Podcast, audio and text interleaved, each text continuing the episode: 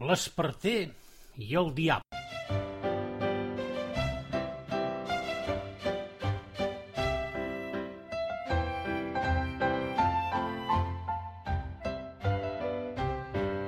La memòria dels més vells del poble recull aquesta història que, tot i el temps passat, la segueixen explicant, sobretot els esparters, quan aplegats treballen l'espart tot fent estores, cordes o espardenyes, en les tardes plujoses de tardor i d'hivern. Conta, doncs, que Nicolau, un avantpassat de l'ofici, era ferreny com n'hi ha pocs. Els seus companys de gremi prou que li ho deien Nicolau, fes bé les cordes, que no hi veus els nusos. Nicolau, les teves espardenyes es desfan tan bon punt toquen les pedres. Nicolau, les estores han de ser llises i no poden tenir ni forats ni bonys. Però en Nicolau no feia cas dels seus bons consells i sempre el responia «Si la faig així és perquè som pel diable i a ell li agraden les coses mal fetes». Tantes vegades ho va dir, tantes vegades es desempallegava de la gent amb aquesta resposta, que la fi el diable, que tot ho ensuma, se'n va fartar de que Nicolau el fes el seu millor client sense ni tan sols haver-li comprat mai res. Per ventura de ser un bon esparter si creu que jo puc ser el seu millor client, va remugar el diable tot encuriosit. Ho veurem tot seguit. I un bon dia es va presentar a la botiga d'en Nicolau. «Tens cordes, Nicolau?» va dir el diable.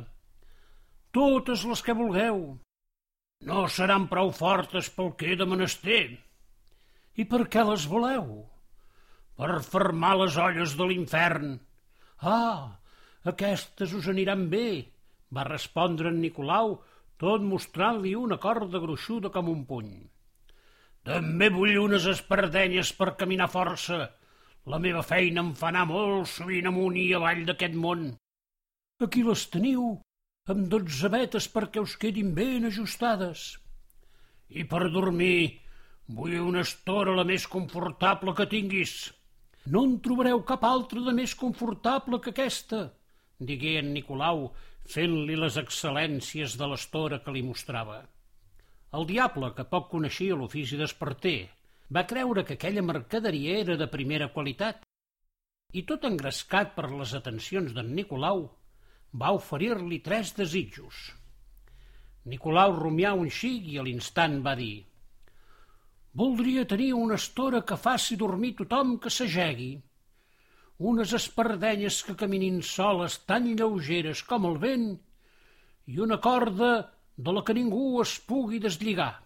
D'acord, tot et serà concedit, però ja saps que fer pactes amb el diable vol dir vendre's l'ànima. Ara ja és meva. M'has enredat. De tota manera no em fa res. Vull que signem el nostre pacte. I el pacte va ser signat en paper d'espart, com s'esqueia l'ofici.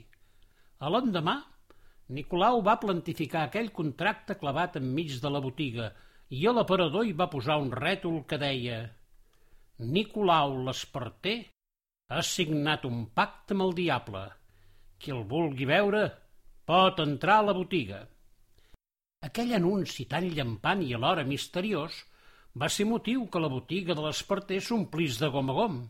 I ja se sap, un cop hi ets dins, alguna cosa has de comprar un tros de corda, unes espardenyes, un cistell, estores... La botiga d'en Nicolau, gràcies a aquell document, va rotllar d'allò més, i ell, sense adonar-se'n, va començar a fer bé la feina, com s'escau a un bon esparter. I aviat la seva fama s'escampà per tota la comarca i més enllà.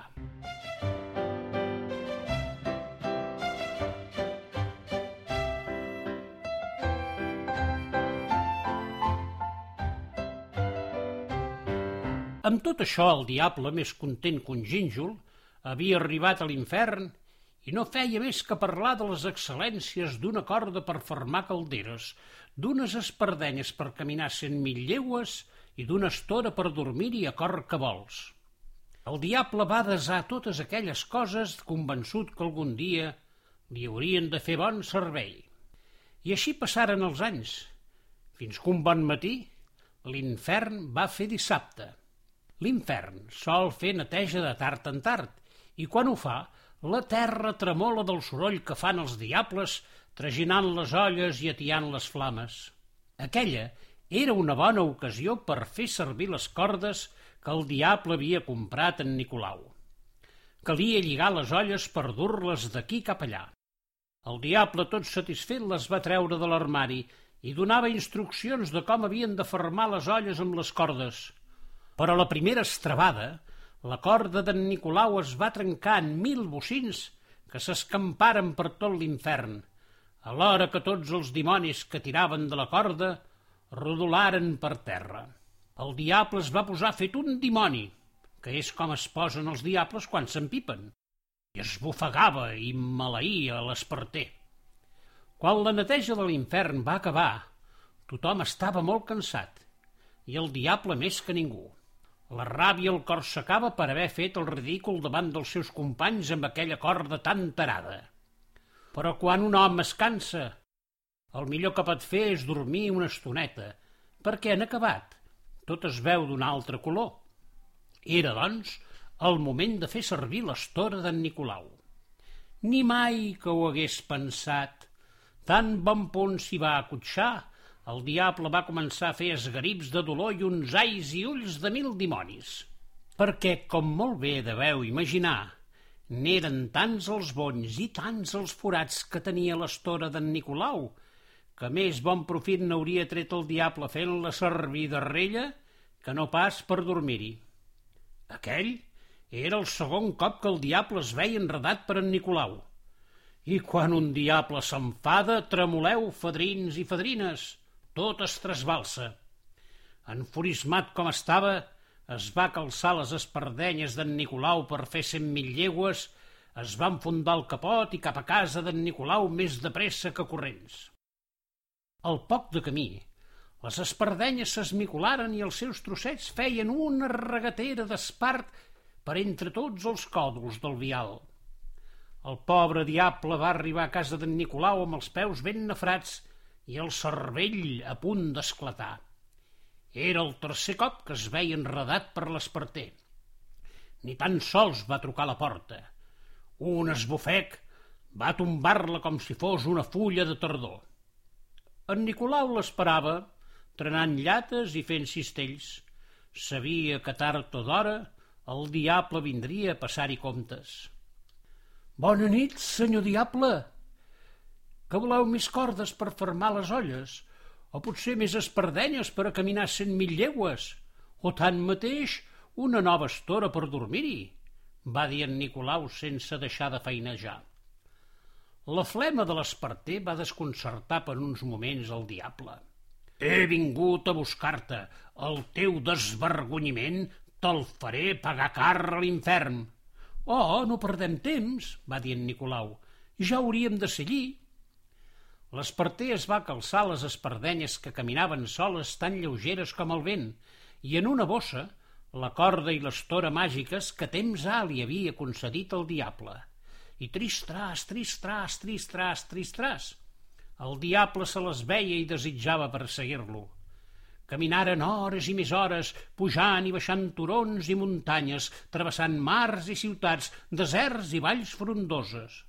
Nicolau, deia el diable, Nicolau, deixa'm descansar un xic, no veus la llengua de pam que em surt de la boca?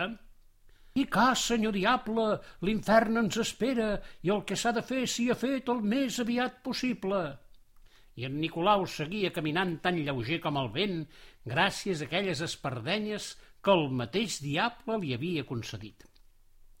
El pobre senyor dels inferns ja no podia dir ni fava i en passar sota d'una olivera va fer aturant Nicolau tot dient-li «Descansem! Descansem un xic, esparter, que de tan cansat que estic, el cor se'm trabuca». «Mireu», digui l'artesà, podeu ajaçar-vos damunt la meva estora, a l'ombra d'aquesta olivera, i dormireu tranquil·lament. El diable estava tan cansat que no es va donar que aquella estora era la que temps enrere li havia demanat en Nicolau i que el faria caure en un son ben profund. Un cop adormit, l'esparter va agafar la corda de la que ningú es pot deslligar. Va fermar ben fort el diable, se'l va carregar l'esquena embolicat dins l'estora i tot seguit espardenyes perquè us vull tristràs, tristràs, tristràs, tristràs, se'n tornà cap a casa seva.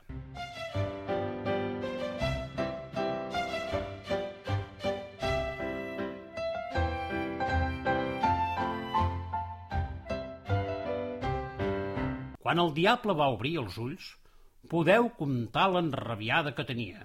Deixa'm anar, Nicolau, deixa'm anar. Sempre i quan trenquem el nostre pacte. Això mai! Doncs aquí et quedaràs, lligat i ben lligat. Aleshores en Nicolau va posar un altre cartell a l'aparador que deia El diable tinc lligat amb cordes que jo he trenat. Aquell segon anunci va portar molta més gent a la botiga que no pas el primer, perquè tothom volia veure el diable fermat amb les cordes de l'esparter.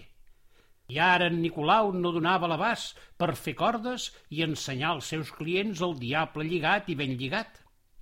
D'aleshores ençà, quan algú fa un nus molt fort, molt fort, molt fort i no es pot deslligar, se sol cantar – D'aquest nus, d'aquest nus, fuig diable, fuig diable, d'aquest nus, d'aquest nus, fuig diable, no entris pus.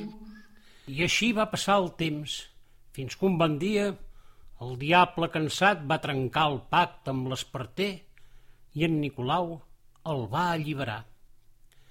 El diable amb la cua entre les cames va haver de tornar a l'infern d'on no hauria d'haver sortit mai.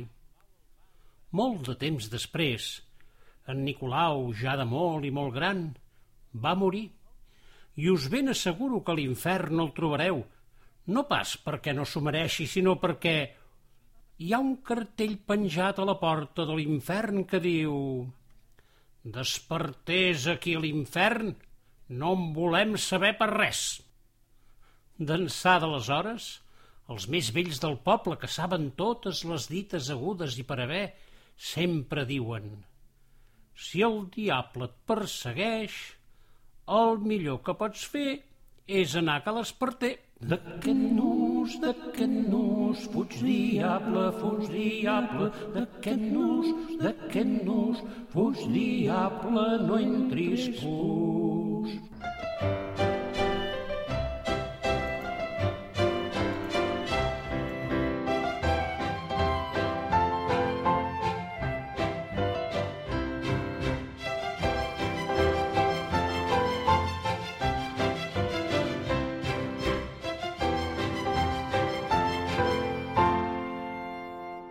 I aquí s'acaba la història de l'esparter i el diable.